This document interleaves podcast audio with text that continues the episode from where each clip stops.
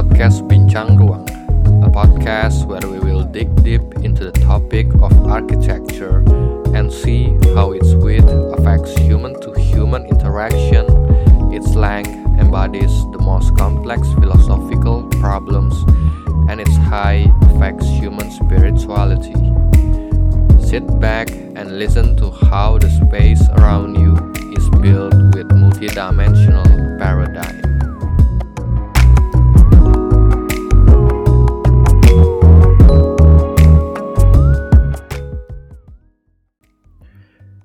Halo lu semua.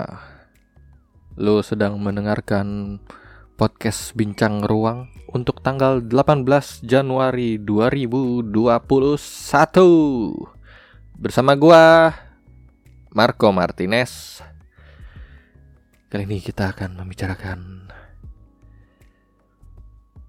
Hal-hal yang terjadi selama satu minggu ini Yang terjadi di Indonesia di dunia ataupun yang terjadi di dalam kepala gua. Gua nggak tahu apakah semua orang itu sama seperti gua, tapi gua sering kali ada kebisingan yang terjadi di dalam kepala gua. Dan itu membuat gua melamun, membuat gua berpikir membuat gua gatel dan membuat gua harus rasanya harus gua garuk gitu kegatelan di dalam pikiran gua.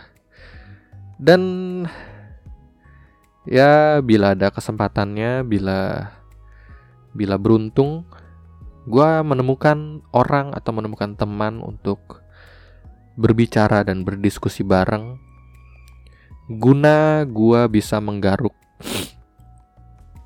kegatelan di dalam pikiran gua untuk gua bisa mencurahkan dan mengeluarkannya. Tapi apabila tidak ada teman atau tidak ada tidak ada orang yang bisa gua ajak berdiskusi, gua akan curahkan ke dalam podcast ini dengan kalian yang mendengarkan. Dan gua ras gua harap uh, apa yang gua bicarakan itu bisa menghibur kalian. Dan disclaimer, uh, jangan anggap apa yang gue bicarakan itu sebagai kebenaran. Jangan anggap apa yang gue bicarakan itu berdasarkan data-data atau fakta-fakta objektif. Apa yang gue bicarakan itu murni subjektif, apa yang terjadi di dalam pikiran gue walaupun gue berusaha untuk bisa objektif menampilkan argumen kontra dari apa yang gue pikirkan, tapi tetap gue menganjurkan kalian semua untuk tidak menganggap apa yang gue bicarakan ini sebagai sebu sebuah kebenaran, sebagai sebuah fakta. Dan ini disclaimer di awal, kalau kalian memutuskan untuk tetap mendengarkan, berarti semua resiko atau semua um, ketersinggungan atau apa pun itu, gue kembalikan lagi menjadi resiko pendengar masing-masing. Oke. Jadi begitu dan gue sangat menganjurkan untuk kalian semua kembali mencari, kembali meng mengulik data-data yang tersebar di luar sana ketika apabila kalian mendengar apa yang keluar di dalam podcast ini. Jadi gue menganjurkan apa yang kalian dengar di dalam podcast ini, kalian harus ulang kembali mencari data-data, fakta-fakta yang lebih kredibel di luar sana. Oke, jadi begitu disclaimernya dan tujuan dari podcast ini hanya untuk merangsang pikiran hanya untuk mempertanyakan kembali apa yang terjadi di luar sana dan bukan untuk dijadikan pernyataan kebenaran. Jadi begitu, apabila kalian memutuskan untuk terus mendengarkan dari titik ini, maka segala resiko ditanggung oleh kalian sendiri sebagai pendengar. Oke?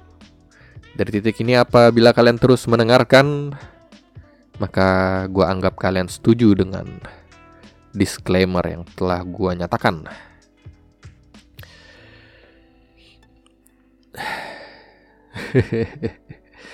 Jadi gua hmm, gua punya role model atau seseorang yang gua yang gua fans kan seseorang yang gua adore dalam dunia podcast. Dan gua mendengar podcast dia hampir setiap hari di perjalanan menuju atau pulang dari kantor. Total ada satu jam perjalanan sekali pergi. Berarti jika pulang pergi berarti ada sekitar 2 jam setiap harinya. Dan biasanya gue mendengarkan sambil mengendarai kendaraan gue, mendengarkan podcast beliau. Itu adalah podcast awal minggu. Oleh Adriano Kalbi. Dan dia dijuluki sebagai bapak podcast Indonesia karena dia telah melakukan podcast rutin dan konsisten dari sejak 2015 sampai sekarang dari kecil hingga besar. Dari dulu tidak ada pendengarnya mungkin sekarang sudah puluhan ribu atau ratusan ribu mungkin pendengarnya. Dan di satu beat dia, oh ya, gua gue jelasin dulu. Latar belakang dia adalah stand up comedian jadi podcast dia itu lebih ke komedi. Dan karena itu menjadi sangat menghibur ketika gue mendengarkannya. Dan gue merasa podcast Bincang Ruang ini banyak di secara langsung ataupun tidak langsung dipengaruhi oleh podcast beliau. Karena gue banyak mendengarkan podcast beliau dan minggu ini gue kebetulan mendengarkan podcast beliau dan ada satu beat dia yang bilang bahwa kalau permasalahan yang kalian hadapi di dalam hidup itu adalah permasalahan depresi atau OCD atau bipolar disorder atau penyakit-penyakit mental lainnya dan itu adalah permasalahan yang sering kali membuat kalian struggle dan sering kali kalian curhatkan ke teman-teman di sekitar kalian. Maka selamat. Kalian itu termasuk ke golongan menengah. kalian termasuk di kelas ekonomi menengah. Dan kalau permasalahan yang kalian pergumulkan adalah permasalahan tentang kelaparan, tentang gua makan apa hari ini, tentang gua tinggal di mana hari ini, gua tinggal di mana untuk lima tahun ke depan, permasalahan rumah tinggal, permasalahan makanan sehari-hari, permasalahan kesehatan basic sehari-hari. Nah itu baru golongan ke bawah. Kelas ekonomi ke bawah. Jadi selamat bagi kalian yang permasalahannya adalah bergumul dengan depresi maka kalian itu adalah termasuk golongan menengah di Indonesia Dan gue mendengarkan beat dari Adriano Kalbi ini di YouTube kebetulan. Dan gue scroll ke bawah di comment section. Dan di comment section ada yang bertanya, Bang, kalau mengalami depresi karena tidak memiliki makan dan tidak memiliki rumah tinggal, maka itu termasuk di golongan apa, Bang? Kemudian ada yang balas sesama netizen juga. Dia balas, kalau permasalahannya seperti itu, maka itu termasuk ke golongan menengah ke bawah.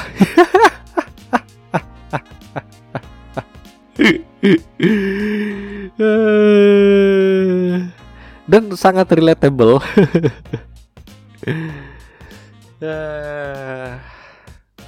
ya dan begitulah itu prolog pembuka untuk podcast kali ini. Cukup menghibur dan satu minggu ini gue mikir tentang posisi atau kedudukan politik, posisi atau kedudukan di perusahaan, dan gue mencoba berimajinasi karena sering kali gue memandang dari sudut pandang gue sebagai masyarakat awam. Dan sering kali di situ ada jarak atau gap pemikiran, gap perspektif di antara gua sebagai masyarakat sipil atau masyarakat awam dengan mereka di sana yang duduk di kursi-kursi kekuasaan pemerintahan, di kursi-kursi politik. Entah itu presiden atau entah itu dewan di DPR atau itu mungkin menteri dan lain-lain sebagainya. Dan gua mencoba berimajinasi gimana kalau gue berada di posisi mereka gitu. Karena untuk gue bisa menangkap persepsi gue sendiri sebagai masyarakat awam, struggle gue sehari-hari, gimana sulitnya mencari kestabilan hidup sehari-hari, bagaimana struggle-nya memulai usaha, bagaimana struggle-nya bekerja di kantor, bagaimana struggle-nya memaintain hubungan dengan keluarga, dengan teman-teman yang intersect dengan struggle gua di pekerjaan juga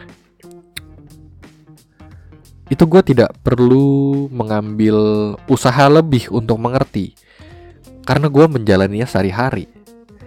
Tapi untuk gue bisa mengerti mereka-mereka yang di posisi kekuasaan, itu gue harus berimajinasi lebih.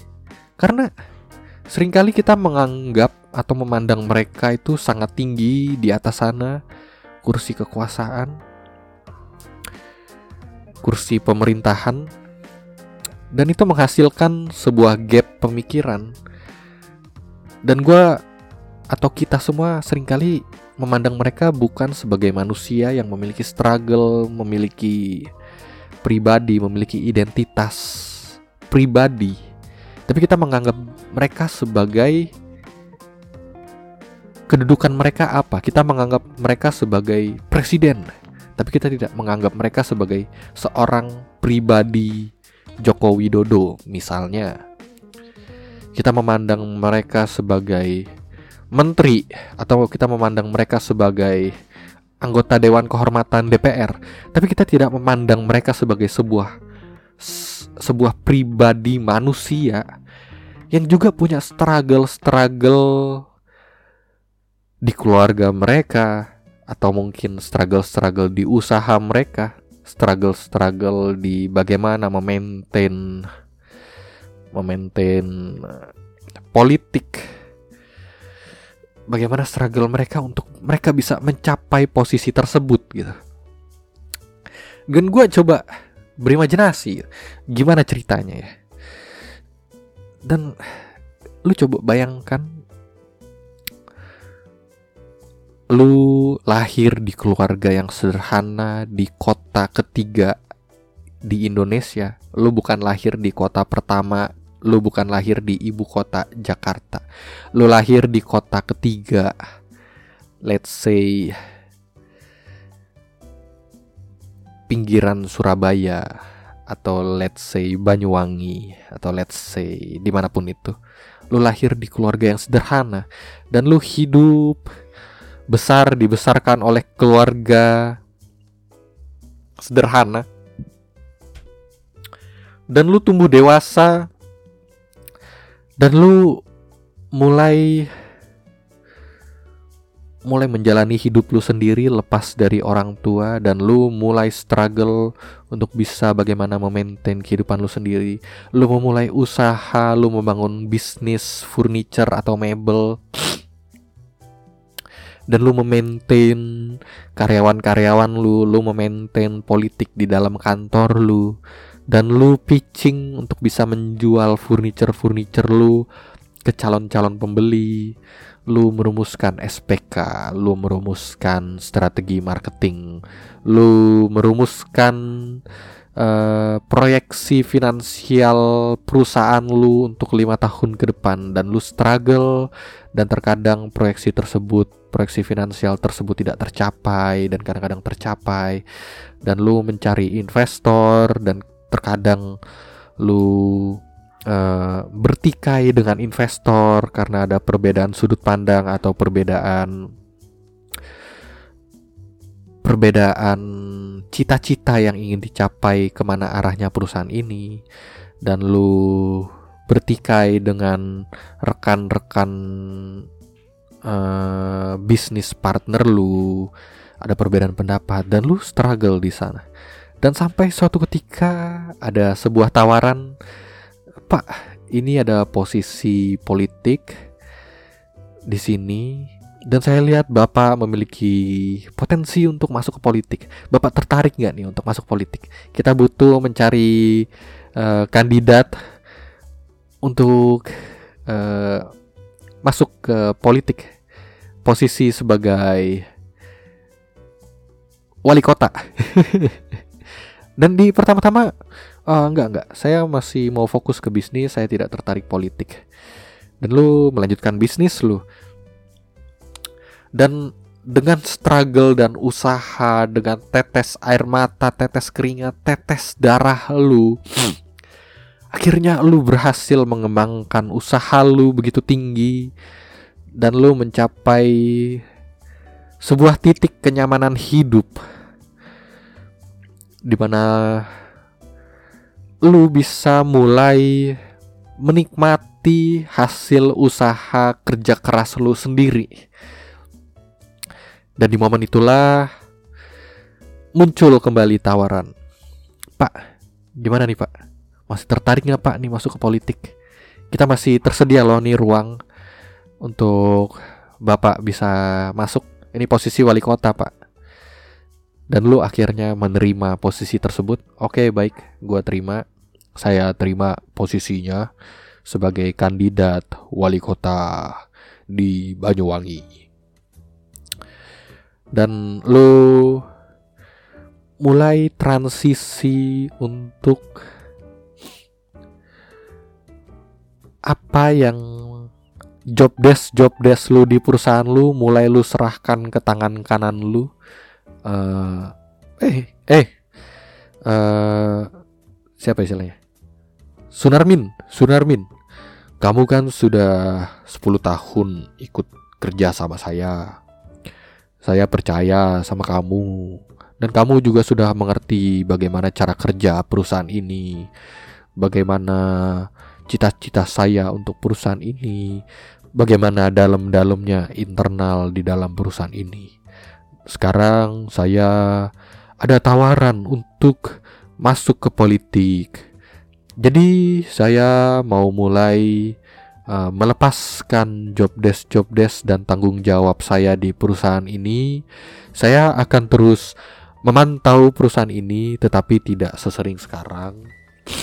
Maka dari itu saya mau mengajak Bapak Sunarmin untuk bisa mengemban jabatan sebagai uh, prinsipal di dalam perusahaan ini. Gimana? Bapak terima nggak? Dan Sunarmin akhirnya terima. Oh ya, baik Pak.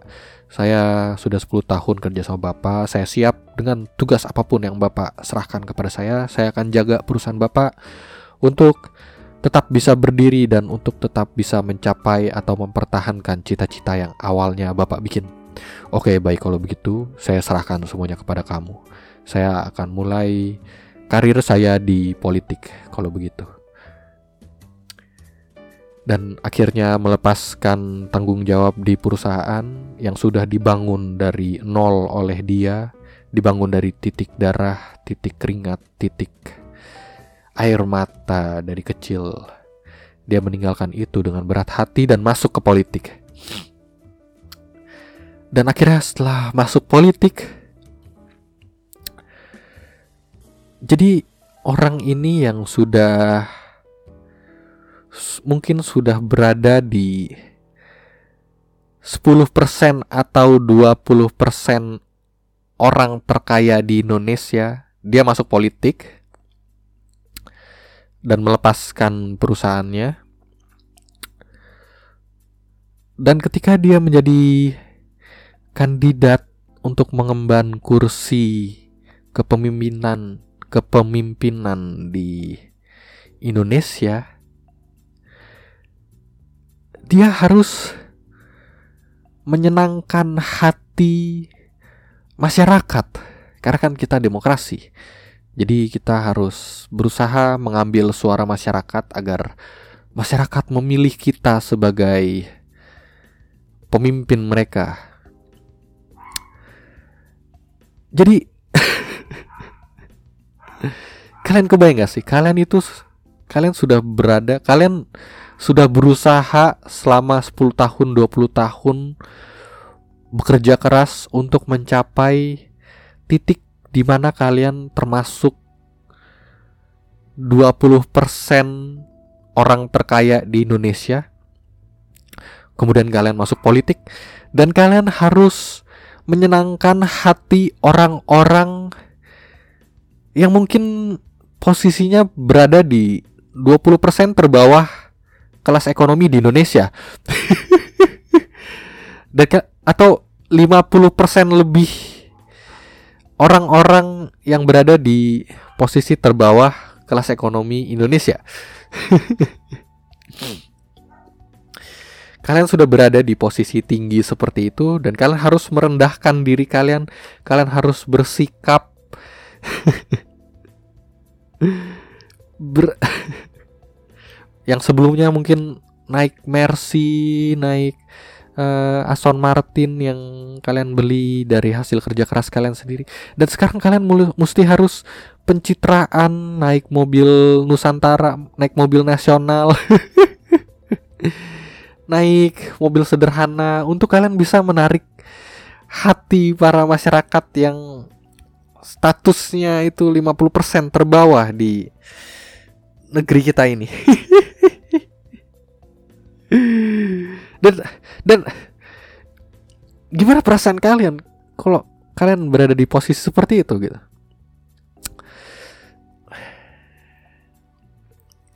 ya kalau kalau gue jadi orang itu sih gue bakal ini sialan banget gue udah 20 tahun kerja keras untuk bisa mencapai titik tinggi ini dan sekarang gue harus turun ke bawah lagi hanya demi hanya demi untuk nyenengin hati-hati lu pada yang sebenarnya juga nggak peduli dan sebenarnya juga nggak ngerti struggle struggle gua. nih, nih sialan banget nih. lu juga nggak ngerti struggle gua dengan istri gua, lu nggak ngerti struggle gua dengan anak gua. Gimana gua harus maintain hubungan dengan istri gua, maintain hubungan gua dengan anak gua. Apa yang harus gua korbankan? Hubungan gua dengan anak gua gua korbankan demi gua bisa uh, berada di posisi pengusaha sukses lu kan nggak peduli dengan itu dan lu juga nggak peduli dengan struggle gua gimana gua lahir di kota uh, nomor tiga di Indonesia gua lahir dari keluarga uh, sederhana dan gua membangun jalan gua sendiri untuk gua bisa uh, bisa sukses. Banyak hal yang gue harus korbankan cita-cita pribadi gue idealisme pribadi gue gue harus korbankan untuk gue bisa sukses dan untuk gue bisa membangun perusahaan gue ini. Dan itu gue benar-benar menteteskan air mata menteteskan keringat menteteskan curah darah gue untuk gue ber bisa berada di titik ini. Dan sekarang lu orang-orang yang nggak peduli dan lu orang-orang yang nggak ngerti dengan struggle gue gue harus nyenengin nyenengin hati lu pada gitu.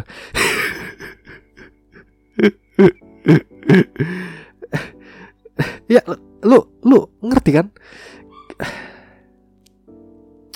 Dan kalau gue gue manusia juga dan sesekali gue membuat kesalahan. Dan ketika gue ada kesalahan ini orang-orang yang nggak peduli dengan struggle pribadi gue dengan struggle individu gue dengan struggle struggle privat gue lu mengecam gue lu ngata-ngatain gue di media sosial.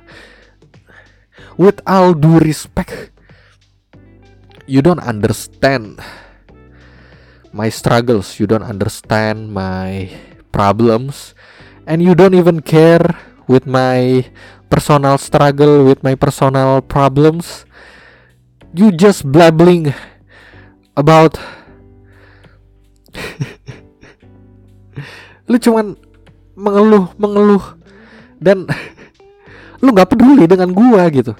Lu nggak peduli bahwa gua sudah mengesampingkan cita-cita gua. Lu nggak peduli gua sudah mengesampingkan idealisme gua. Lu nggak peduli dengan berapa besar pengorbanan gua yang sudah gua lepaskan untuk gua bisa berada di titik ini. Dan sekarang gua harus nyenengin hati lu pada.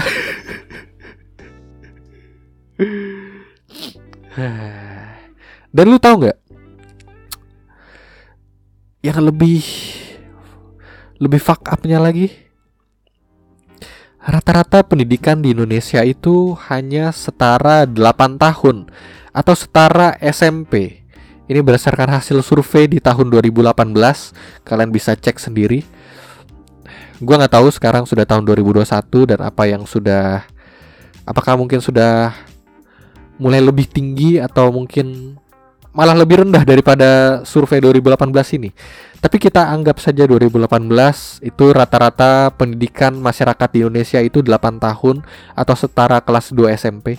Kita anggap terjadi perbaikan dan di tahun 2021 ini mungkin sudah mencapai rata-rata pendidikan di Indonesia sudah ya kita anggap sudah sampai di SMA. Jadi kalau kita lihat dari data itu rata-rata pendidikan di Indonesia itu setara dengan SMA. Jadi beberapa orang ada yang lebih tinggi dari SMA, mungkin sudah S1, S2, S3. Dan kalau kalian lulus dari S1, S2 atau S3, selamat, maka kalian berada di atas rata-rata pendidikan Indonesia. Apalagi kalian yang S1, S2, S3 di luar negeri. Itu kalian bener-bener mungkin 10%, 20% di atas dalam hal pendidikan di Indonesia. Dan ada di bawah itu, kalau kalian hanya lulusan SMP, lulusan SD atau bahkan tidak punya privilege untuk sekolah atau mengembangkan edukasi, kalian itu berada di 50% terbawah rata-rata pendidikan di Indonesia. Jadi kalian kalian bayangin di 2018 itu bayangin itu rata-rata pendidikannya SMP. Kita anggap saja kita berimajinasi sudah terjadi perbaikan maka di tahun 2021 ini rata-rata pendidikannya adalah SMA. Berarti kita bisa ambil angka roughly speaking secara kasar 50% masyarakat Indonesia itu pendidikannya masih di bawah SMA. hanya lulusan SMP, hanya lulusan SD atau bahkan tidak tidak sekolah sama sekali 50% masyarakat Indonesia itu berada di kelas pendidikan seperti itu gitu. Dan kalian bayangin kalau kalian masuk ke politik dan kalian harus mengambil suara 50% plus dari masyarakat Indonesia. Jadi kalian harus mengambil suara 50% orang-orang ini yang bahkan gak lulus SMA atau gak lulus SMP berdasarkan survei di tahun 2018 dan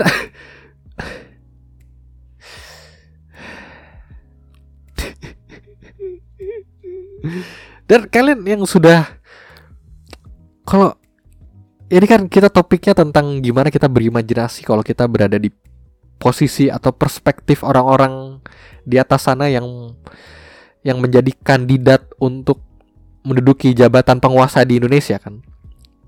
Dan mereka berlomba-lomba ketika ada pemilihan, mereka berlomba-lomba untuk mengambil suara 50% lebih dari masyarakat Indonesia yang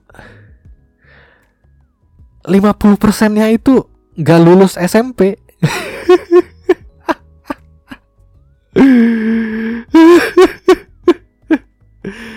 lu bayangin betapa fuck upnya sistem yang kita yang kita yakini ini kan lu lu lu lihat betapa fuck upnya sistem yang kita jalani sekarang ini di Indonesia.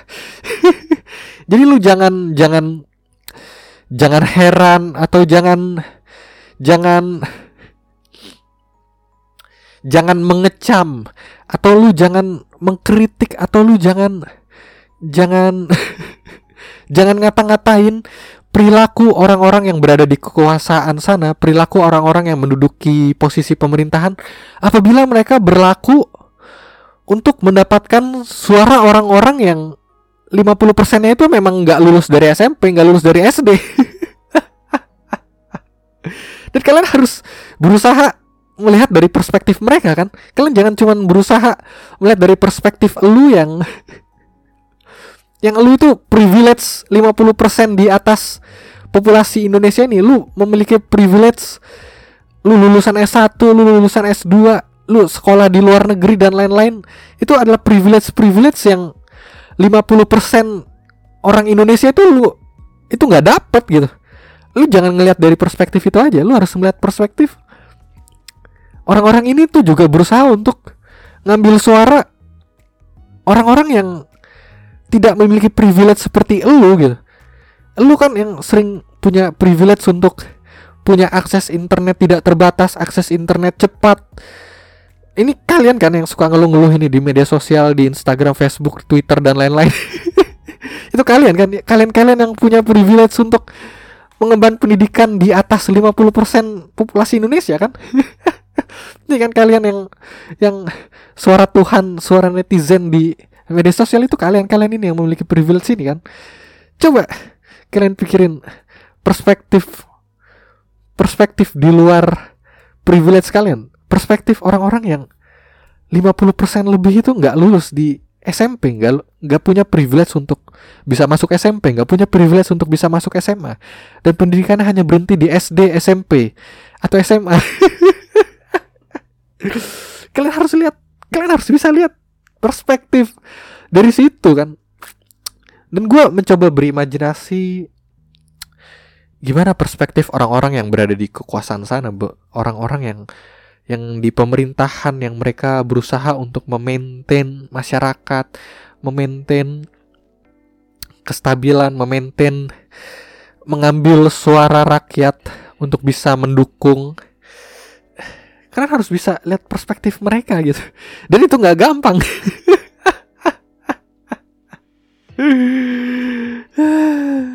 Ya makanya nih kalian-kalian ini kan yang yang selalu mengeluh tentang depresi selalu mengeluh tentang uh, gimana kalian punya mental health problems? Dan kalian sudah tidak mengeluh tentang problem-problem kelaparan kalian sudah tidak mengeluh tentang problem-problem memiliki rumah ya. Kalian ini kan yang menengah ke atas ini. Dan kalian gak bisa lihat gimana. Gimana 50% lebih dari masyarakat Indonesia ini tidak punya privilege untuk bisa masuk ke kuliah, tidak bisa punya title S1, tidak bisa punya Kalian nggak bisa lihat struggle-struggle mereka yang setiap hari harus berjuang untuk makan apa hari ini, untuk tinggal di mana hari ini. dan ah kalian kalian-kalian ini kan yang yang yang seperti itu yang selalu berisik di media sosial yang selalu selalu itu kalian-kalian ini kan? Para para netizen itu kalian-kalian ini kan? Yang punya privilege privilege itu dan kalian hanya mengeluh tentang tentang depresi dan mengeluh tentang health problems. Itu kalian-kalian ini kan?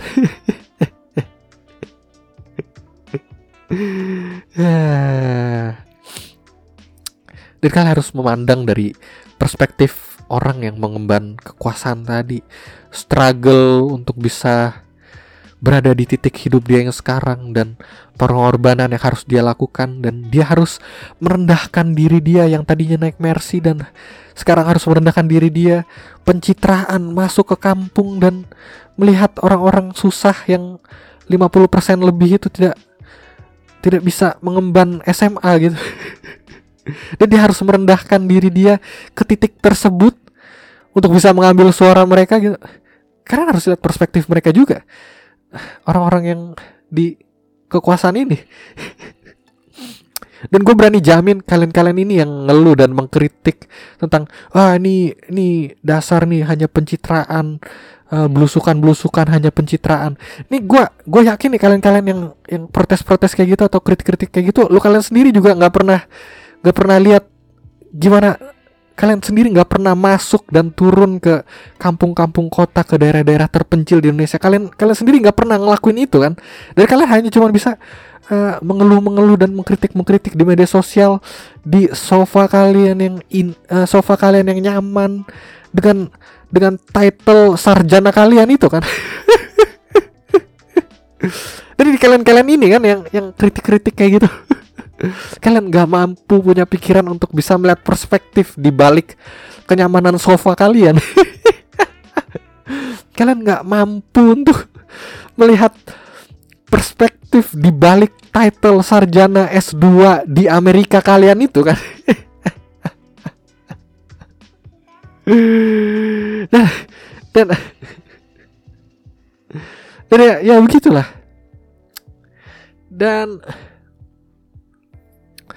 ya makanya kalian bisa lihat langkah-langkah pemerintahan untuk bisa menarik suara 50% orang atau 50% lebih populasi Indonesia yang memang kondisinya tidak memiliki privilege untuk sorry untuk mengemban pendidikan kelas SMA atau kelas sarjana mereka punya masalah itu kan. Mereka harus bisa menarik suara atau menarik hati para orang-orang yang memang kondisinya seperti itu gitu.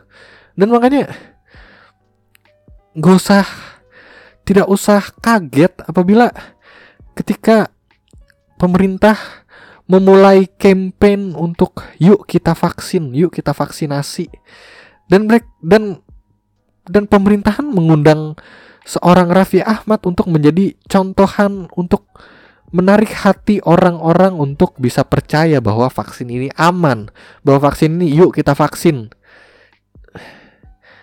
Dan kalian nggak bisa nggak bisa mengerti kan langkah-langkah itu, kalian.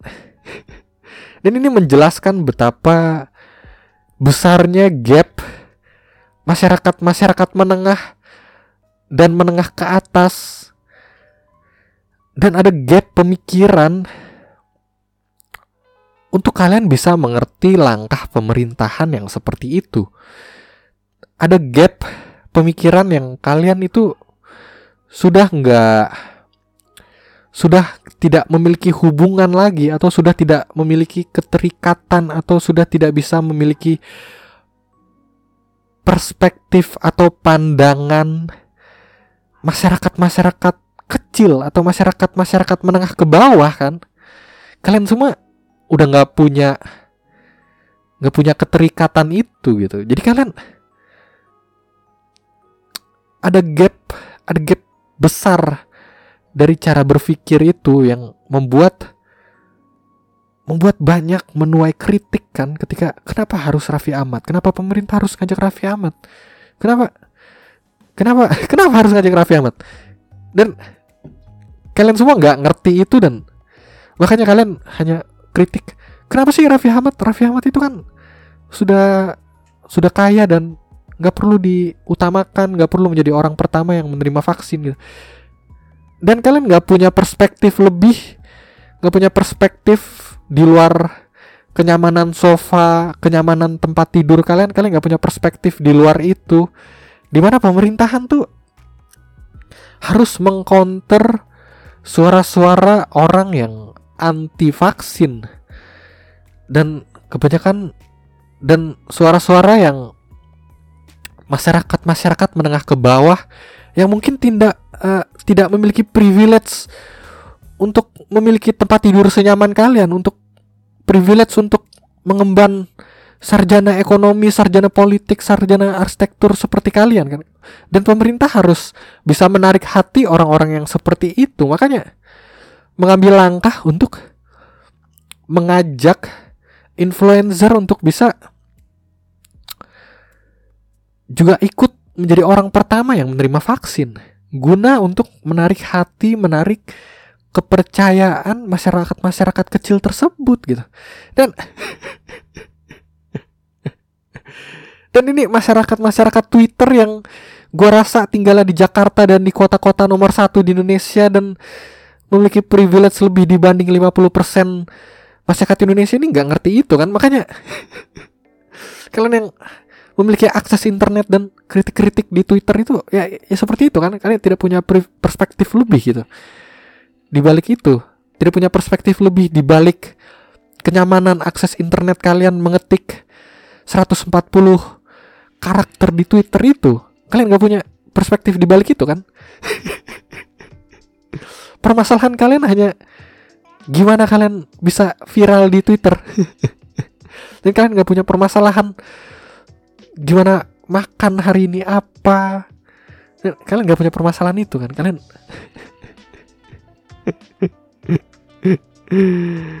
ya makanya itu dan ketika kalian bisa berimajinasi lebih dengan kemampuan imajinasi yang cukup tinggi, kalian bisa membayangkan perspektif atau posisi atau struggle dari orang-orang di luar dari bubble kalian.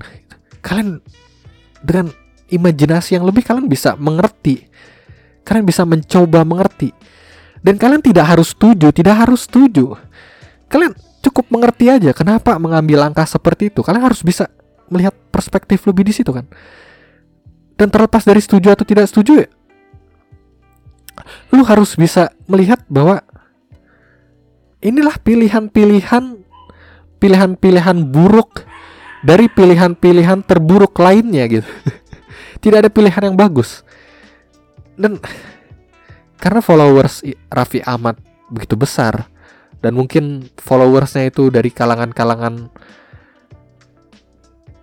sorry to say kalangan-kalangan yang mungkin 70% terbawah dari populasi Indonesia itu dan kalian mulai bisa mengerti logika di balik itu kenapa pemerintah mengajak Raffi Ahmad gitu kan untuk bisa menerima vaksin Dan kalian gimana? Coba bayangin orang-orang yang mengambil kebijakan di ruang rapat dan rapat.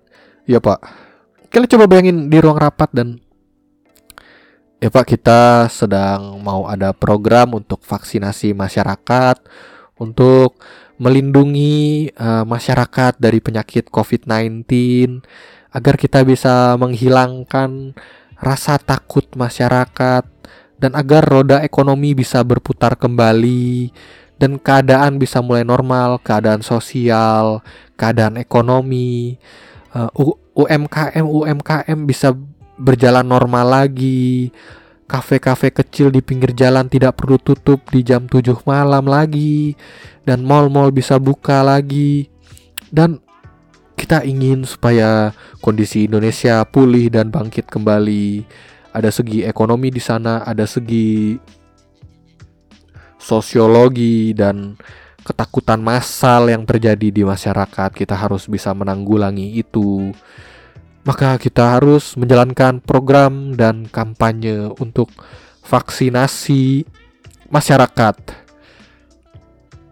Uh, kita sudah siapkan dananya dari Menteri Keuangan kita, dari Menteri Dalam Negeri dan dari sekian sekian sekian sekian.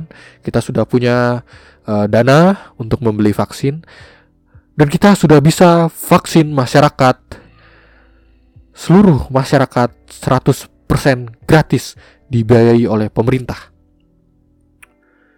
Iya Pak, uh, kita sudah menyiapkan semuanya dan terlepas dari segala permasalahan yang dihadapi oleh negara kita, kita sudah berhasil menyiapkan vaksin dan kita mengesampingkan biaya-biaya yang lain dulu, biaya-biaya pembangunan kita kesampingkan, kita alokasikan untuk vaksin dan untuk kestabilan uh, sosio kestabilan sosio sosial, kestabilan dalam sosiologi masyarakat, kestabilan dalam ekonomi masyarakat, kestabilan politik kita. Jadi kita utamakan dulu untuk vaksin ini dan kita kesampingkan dulu hal-hal yang lain, pembangunan dan yang lain kita kesampingkan, kita alokasikan ke sini, Pak. Kita setuju, kita semua setuju. Tapi kita masih punya masalah, Pak.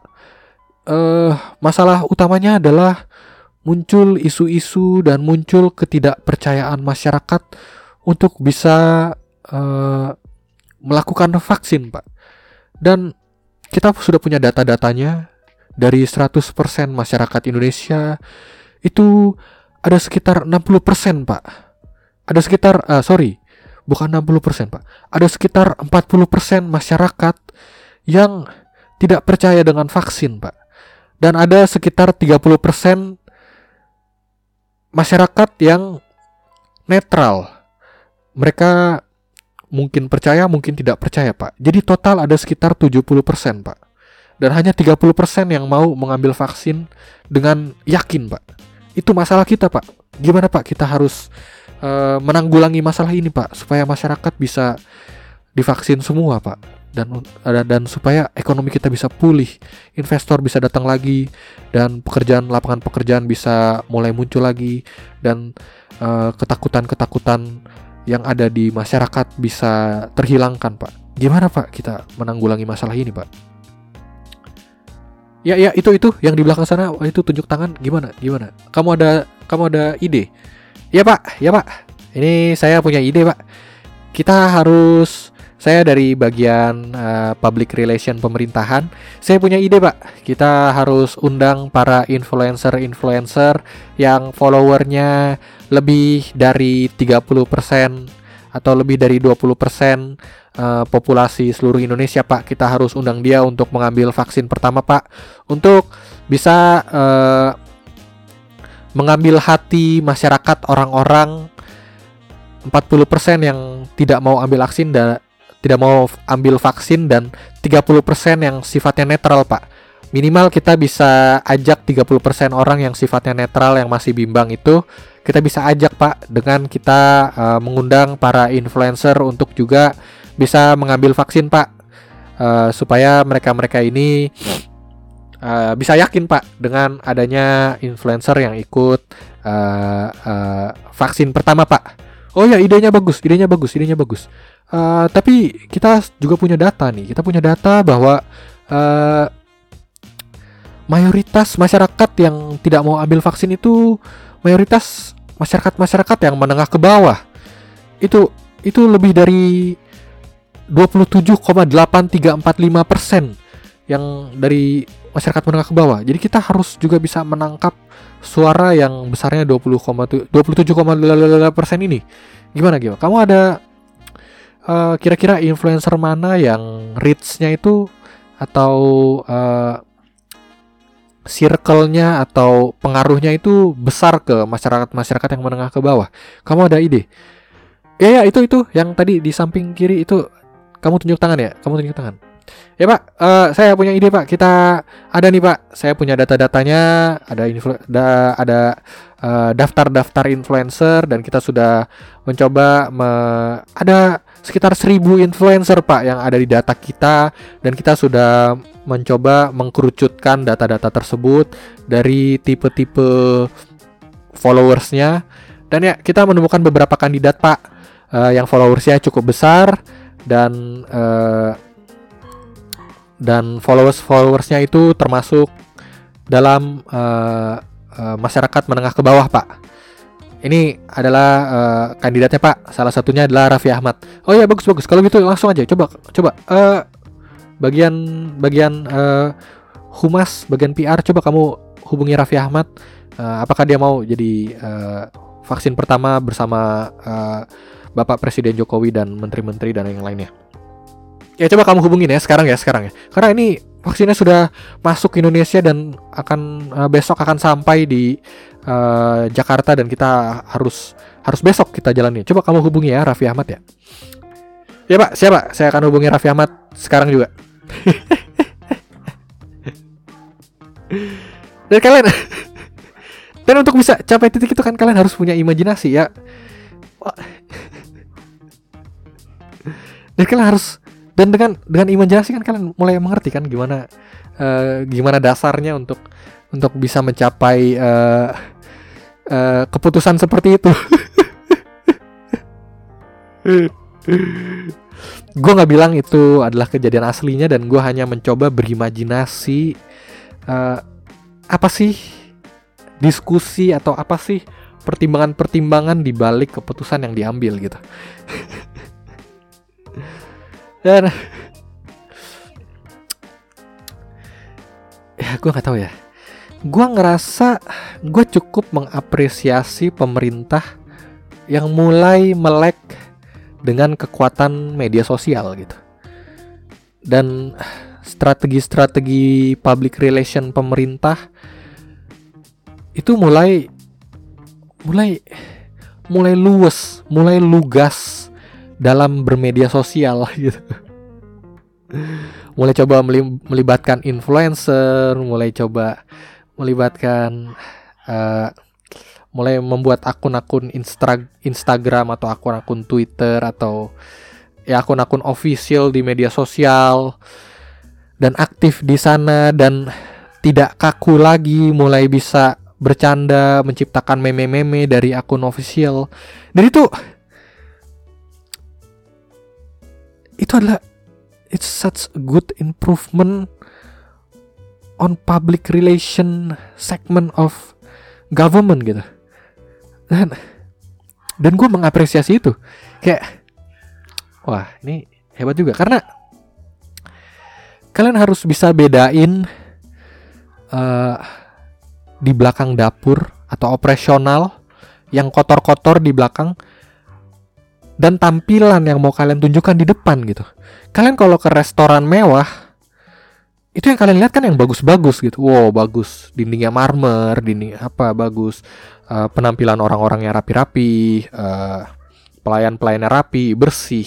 Tapi di belakang itu, di belakang restoran itu, di dapur kotornya, kalian gak lihat yang kotor-kotornya kan? Kalian gak lihat gimana para pekerja-pekerjanya masak, panas, berminyak, lantai penuh dengan minyak, kotor, keringat, dan kalian gak lihat sampah-sampah bekas masakan yang harus dibuang. Kalian gak lihat bagian-bagian kotornya kan? Dan kalian hanya lihat bagian-bagian bersihnya. Dan itu udah cukup gitu untuk bisa oh ini restoran bersih nih. Oh ini restoran gua mau mau makan di sini nih karena ini bersih. Hanya cukup tampilan depannya aja kan. Tampilan dapurnya tuh kita nggak pernah tahu gitu. Dan kita hanya percaya aja. Iya gue percaya bahwa ketika tampilan luarnya begini, gue percaya tampilan belakangnya di bagian dapurnya juga bersih dan ada protokol-protokol kebersihannya. Dan event yang bersih sekalipun juga tetap yang namanya masak pasti berminyak dan lain-lain. Walaupun uh, chefnya atau pekerjanya pakai masker, pakai boots, pakai sarung tangan, tapi tetap kondisinya kotor kan karena masak dalam jumlah besar, berminyak, berasap. Kalian nggak kebayang itu kan? Jadi ada selalu ada dua gitu selalu ada bagian dapur atau bagian back of the house, bagian kotor, operasional, dan itu cukup disimpan internal aja. Dan ada bagian di depan yang itu adalah bagian dari public relation, bagian dari marketing yang harus ditunjukkan secara bagus, lugas, lugas, luas untuk bisa menarik hati masyarakat dan it's okay gitu untuk bisa seperti itu gitu. Kita bisa lihat di segala macam. Industri fashion kalian gak lihat gimana pekerja-pekerjanya bekerja di sana dengan tidak kesejahteraan. Misalnya ya ini hanya contoh aja gua nggak tahu faktanya. Misalnya seperti itu di bisnis perhotelan kalian gak lihat bagian-bagian belakangnya yang kalian lihat hanya bagian resepsionis reception yang bagus yang kalian lihat hanya koridor-koridor lift yang mewah kamar yang bagus yang kalian lihat hanya itu. Kalian gak lihat bagian belakangnya back of the house dari hotel tersebut. Gimana mereka ngumpulin kasur-kasur yang kotor gimana mereka ngumpulin sampah-sampah dari kamar-kamar hotel. Gimana pekerja-pekerjanya naik motor di tempat parkir yang di belakang yang tidak sebagus tempat parkir di depan. Dan kalian gak lihat itu kan? Yang kalian lihat hanya yang bagian depan gitu. Dan gue gua merasa bisa dijustify juga dalam hal pemerintahan gitu. Bagian-bagian belakang pemerintahan ya kita nggak tahu itu kotor-kotornya bagaimana gitu. Ya kita nggak bakal pernah tahu gitu. Dan menurut gue mungkin tidak perlu diungkapkan juga gitu. Hotel juga nggak perlu ngungkapin bagian belakangnya gimana kan. Restoran juga nggak perlu ngungkapin bagian belakangnya gimana kan. Yang diperlukan kan hanya menyenangkan konsumen menyenangkan bagian-bagian depannya. Dari titik ini sampai ke depan ini yang bagus. Hasilnya bagus gitu. Tampilannya bagus.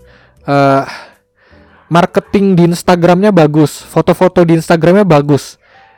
Kita nggak perlu nampilin foto-foto back of the house di dalam Instagram kita gitu. Dan dan orang bisa terima itu gitu. Orang bisa terima tetap seperti itu kayak tetap ke hotel dan orang nggak peduli bagian belakangnya gimana, tetap ke restoran dan orang nggak peduli bagian dapurnya gimana, tetap membeli produk-produk mass produce dan orang nggak peduli bagian belakangnya gimana, tetap membeli baju-baju mewah yang orang nggak tahu produksinya gimana. Tetap membeli ya we never know kan. Dan selama hasilnya bagus kualitasnya bagus orang bisa terima-terima aja. Tapi somehow dalam pemerintahan orang nggak bisa terima gitu. Dan itu dibilangnya pencitraan dibilangnya ah ini bohong nih cuman pencitraan doang. Bla bla bla. For God's sakes. For God's sakes Semua yang lu lihat di Instagram itu pencitraan semua. Semua yang lu lihat di Twitter itu pencitraan semua Somehow lu bisa terima itu. Somehow lu bisa Bisa cari muka di depan Di depan Influencer yang kalian sukain. Kalian bisa cari muka di depan mereka gitu. Tapi kalau pemerintahan lu kritik-kritik what the fuck man? Gua ngerti gimana logika di balik itu gitu yang perlu kita tahu kan hanya pemerintahan menghasilkan hasil-hasil yang bagus, punya PR yang bagus, bisa menarik hati hati kita semua. Dan hasilnya bagus, kelihatan gitu. Dan itu udah cukup kan? Lo nggak perlu tahu dapur-dapurnya gimana.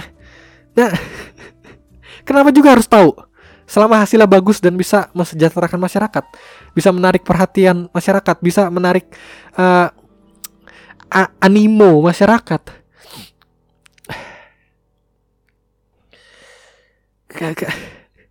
Ya kalau kalian menerapkan menerapkan perimeter atau menerapkan uh, menerapkan apa namanya? Yang menerapkan batasan atau menerapkan perimeter itu dalam pemerintahan bahwa kalian menuntut bahwa kita harus tahu juga bagian-bagian dapurnya pemerintahan, deal-dealannya gimana. Kalian juga harus terapkan juga ke bidang-bidang yang lain dong. Kenapa hanya ke pemerintahan gitu? Bidang-bidang yang lain kan juga punya tanggung jawab terhadap masyarakat. Bidang-bidang yang lain kan juga punya tanggung jawab moral terhadap apa yang mereka hasilkan. Bukan hanya pemerintahan yang punya tanggung jawab moral terhadap masyarakat kan? Kenapa hanya lu tuntut ke pemerintahan seperti itu gitu? Lu nggak tuntut ke yang lain-lain. Dan oke, okay, sekalipun oke okay, kita terapkan itu ke semua aspek dalam kehidupan kita, dalam ke semua bisnis dan industri dalam kehidupan kita. Dan apakah itu hal yang baik gitu? Apakah itu hal yang baik? Eh bisa aja ketika kalian nuntut itu ke industri misalnya perhotelan, industri perhotelan juga harus transparan, uh, memperlihatkan bagaimana back of the house mereka ke para pengunjung. Kita juga harus tahu bagaimana uh, hasil bagus ini tercipta. Kita harus tahu juga gimana proses-prosesnya. Kita harus yakin bahwa hasil yang bagus ini dihasilkan melalui proses yang bagus juga. Kita harus tahu.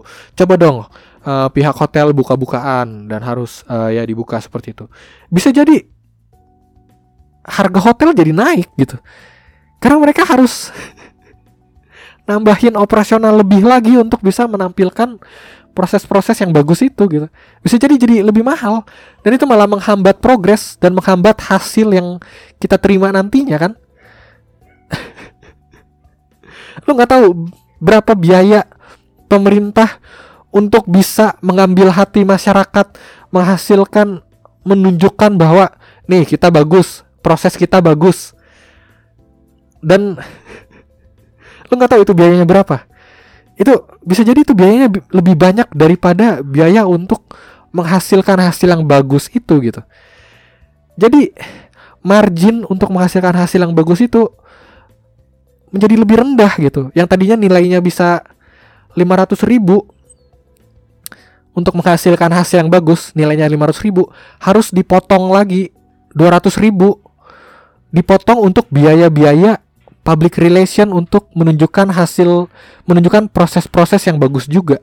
Kita harus rekam lagi hasil prosesnya uh, proses-prosesnya harus kita dokumentasikan lagi proses-prosesnya harus kita sewa event organizer supaya proses-proses yang dilalui itu juga bisa tertata dengan rapi untuk keperluan direkam dan ditampilkan ke masyarakat.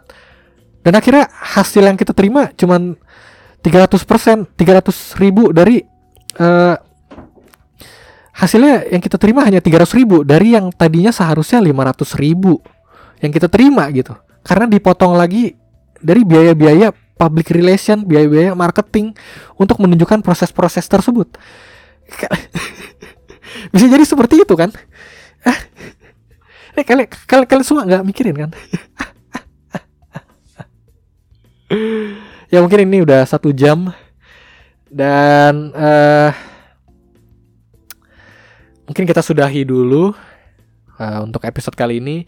Sekali lagi disclaimer, apa yang gue sampaikan ini hanya merupakan imajinasi untuk orang-orang bisa untuk orang-orang bisa berpikir lebih jauh dari perspektif personal mereka. Untuk orang-orang bisa berpikir berimajinasi perspektif yang berseberangan dengan perspektif mereka. Gue mau orang terangsang untuk bisa memikirkan perspektif yang berseberangan dari perspektif mereka. Dan orang-orang bisa mencari-cari jadinya. Mencari-cari lebih banyak tentang fakta-fakta, mencari lebih banyak tentang data yang berseberangan dengan perspektif mereka gitu dan itu aja sih sebenarnya. Gue nggak berharap apa yang gue omongin ini menjadi kebenaran. Gue nggak berharap apa yang gue omongin ini menjadi fakta. Not necessarily true. This is purely from my imagination. Dari imajinasi gue untuk gue bisa melihat perspektif yang di seberang dari perspektif gue dan ketika gue ngomongin kalian-kalian atau lu itu gue merefer ke diri gue sendiri juga. Jadi gue juga menganggap gue itu bagian dari masyarakat awam gue itu bagian dari masyarakat luas masyarakat umum yang juga kesulitan untuk bisa memiliki perspektif di seberang dari perspektif gue pribadi. Jadi gue menempatkan diri gue sebagai dalam tanda kutip kalian dalam tanda kutip lu yang dari tadi selalu gue sebut-sebut selama podcast ini jadi gue merefer ke diri gue sendiri juga dan ini menjadi refleksi diri gue sendiri juga. So with all that uh, kita tutup saja podcast ini. Terima kasih yang sudah mendengar sampai akhir. Dan uh, ya segitu saja dari gue uh, gue Marco Martinez. Bye bye